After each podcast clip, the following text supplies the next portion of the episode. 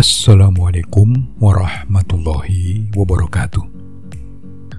Salam sejahtera buat kita semua. Beberapa waktu belakangan ini, kita sering mendengar dan membaca sebuah kata atau istilah yang terkesan memiliki makna yang negatif dalam pelayanan medis atau pelayanan kesehatan. Kata atau istilah yang saya maksud itu ialah joki dan perjokian.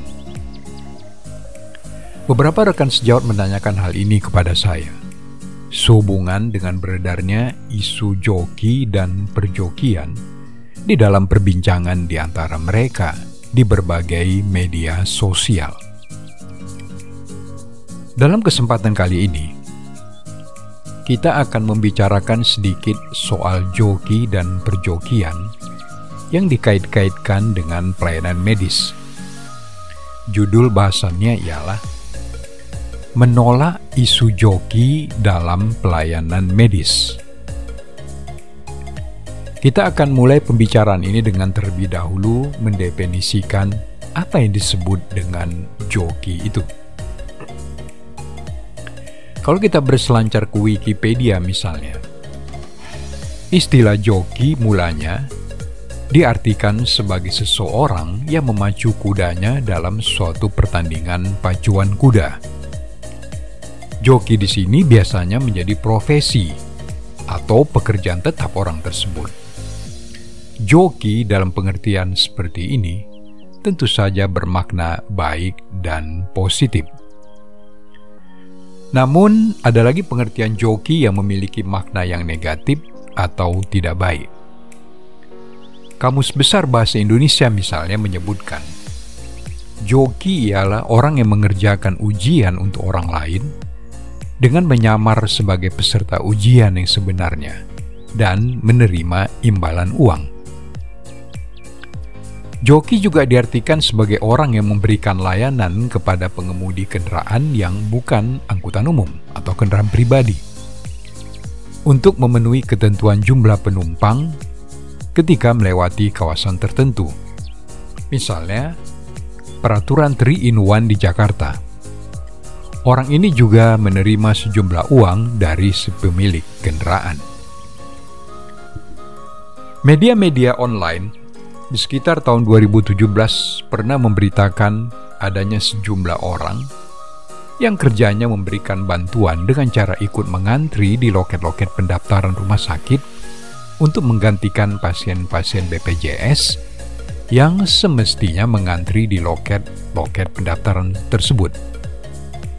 Saat itu, pasien-pasien BPJS yang datang berobat ke rumah sakit memang amat membludak untuk pekerjaannya itu, media online menyebutnya profesi joki.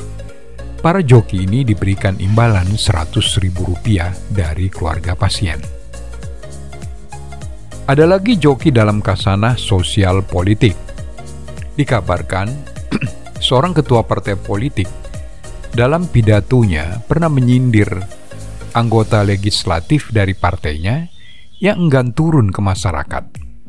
Tetapi hanya mengirimkan orang lain untuk menyerap suara atau aspirasi dari masyarakat yang diwakilinya. Ketua parpol itu menyebut orang lain tersebut sebagai joki. Akhir-akhir ini muncul lagi istilah joki buat orang-orang yang menggantikan orang lain yang seharusnya menjalani karantina sekian hari untuk mencegah penularan di masa pandemi COVID-19. Nah, dari penjelasan di atas, kita menyimpulkan tiga hal. Pertama, joki adalah orang yang menggantikan orang lain dalam melakukan pekerjaan atau kegiatan tertentu yang semestinya dikerjakan orang tersebut. Kedua, si joki ini akan menerima sejumlah uang dari orang yang dia gantikan untuk melakukan pekerjaan atau kegiatan tertentu tersebut. Jadi, si joki ini menikmati keuntungan finansial atau uang dari pekerjaannya itu. Ketiga, seiring dengan perjalanan waktu, makna joki telah bergeser. Kata joki yang semula bermakna baik dan positif kini bermakna negatif. Sekarang, kalau disebut joki, pasti itu tidak baik atau jelek. Maka praktek atau pekerjaan yang dilakukan oleh seorang joki dalam makna yang negatif ini disebut dengan perjokian. Lalu pertanyaan kita ialah, benarkah ada istilah joki di dalam pelayanan medis yang akhir-akhir ini beredar di berbagai diskusi dan di media sosial? Kapan dan bagaimana munculnya isu joki ini? Sebetulnya, kita tidak pernah mengenal istilah joki dan perjokian dalam kegiatan pelayanan medis di rumah sakit. Kita juga tidak tahu persis kapan munculnya istilah joki atau perjokian di dalam pelayanan medis di rumah sakit. Namun, konon katanya, isu ini muncul setelah ditemukannya sebuah kasus di satu rumah sakit di luar Pulau Jawa.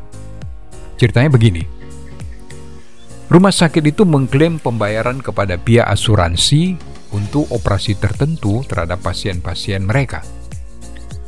Namun, asuransi tersebut mengajukan keberatan karena mereka menemukan dokter yang bekerja di rumah sakit tersebut belum memiliki kompetensi, keterampilan, ataupun keahlian untuk melakukan operasi tertentu yang diklaim pembayarannya oleh rumah sakit yang bersangkutan.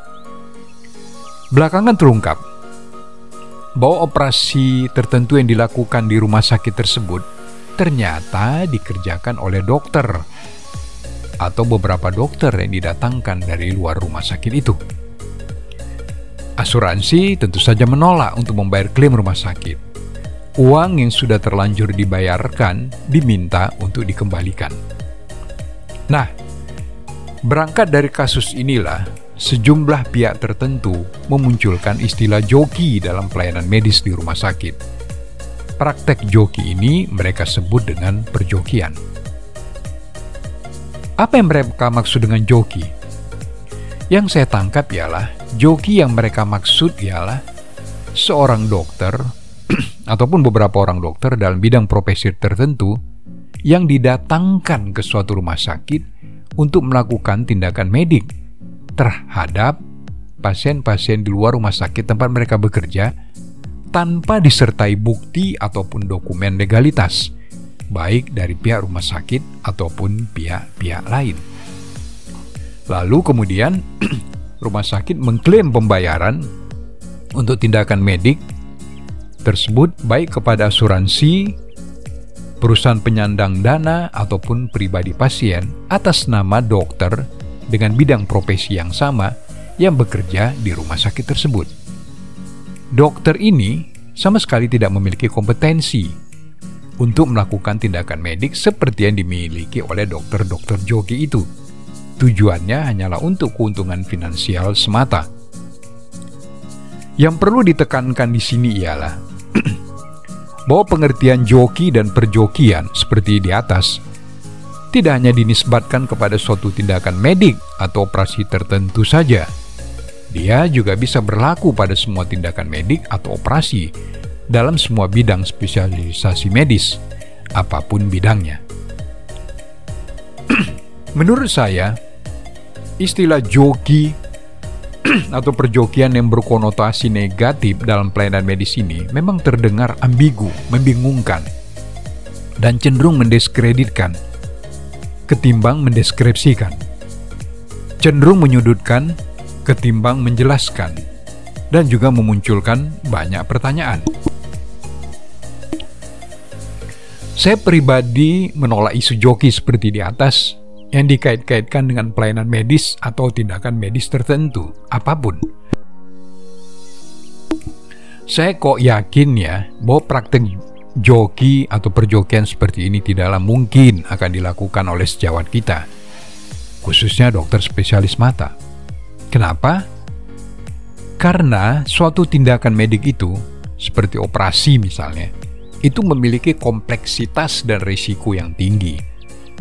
Sebab itulah diperlukan kompetensi dan legitimasi yang jelas dari seorang staf medis yang melakukan tindakan operasi tertentu ini di rumah sakit. Lalu, misalnya anggaplah ya, praktek joki ini memang benar adanya.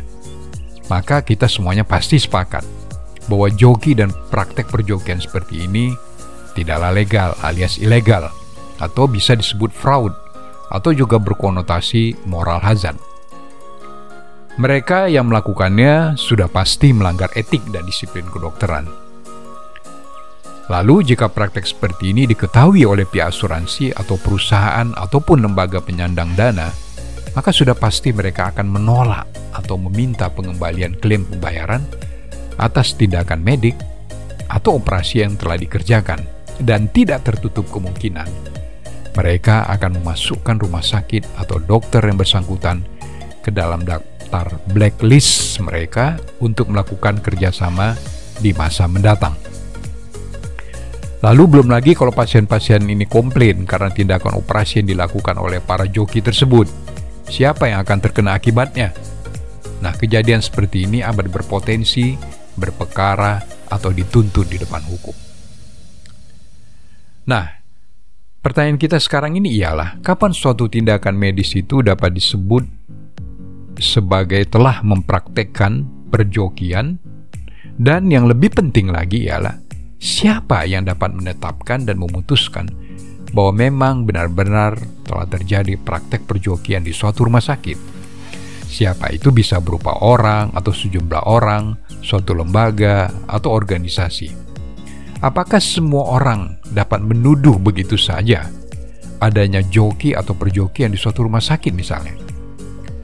Pertanyaan lain ialah, apakah mendatangkan dokter dari luar rumah sakit untuk mendampingi dokter di rumah sakit tersebut dalam melakukan tindakan medik atau operasi tertentu, itu sudah pasti dapat kita vonis telah melakukan praktek perjokian? Untuk pertanyaan ini saya menjawabnya tidak. Kenapa? Karena jika sekiranya mendatangkan dokter lain dari rumah sakit dianggap telah melakukan praktek perjokian, apakah hal ini tidak menimbulkan kekacauan dan kerancuan dengan adanya istilah dokter tamu yang disebut-sebut bertugas melakukan transfer knowledge and skill serta adanya istilah proctoring atau pendampingan buat staf medis di rumah sakit yang sesungguhnya dapat dibenarkan di dalam peraturan Menteri Kesehatan Republik Indonesia. Terakhir, pesan moral dalam pembicaraan kita ini ialah kita harus menolak isu joki dalam pelayanan medis. Karena itu, jangan mudah menuduh joki ataupun perjokian kepada sesama teman sejawat. Dan jangan pula ikut-ikutan menyebarkan isu ini ke mana-mana karena hal ini justru akan merusak citra profesi kita sendiri. Jika sekiranya kita mencium adanya dugaan praktek perjokian, hendaknya hal-hal semacam ini dapat kita selesaikan secara arif dan bijak dalam suasana kekeluargaan. Bukankah rekan-rekan sejawat itu adalah juga saudara kita sendiri? Salam sejahtera dan salam sehat buat kita semua.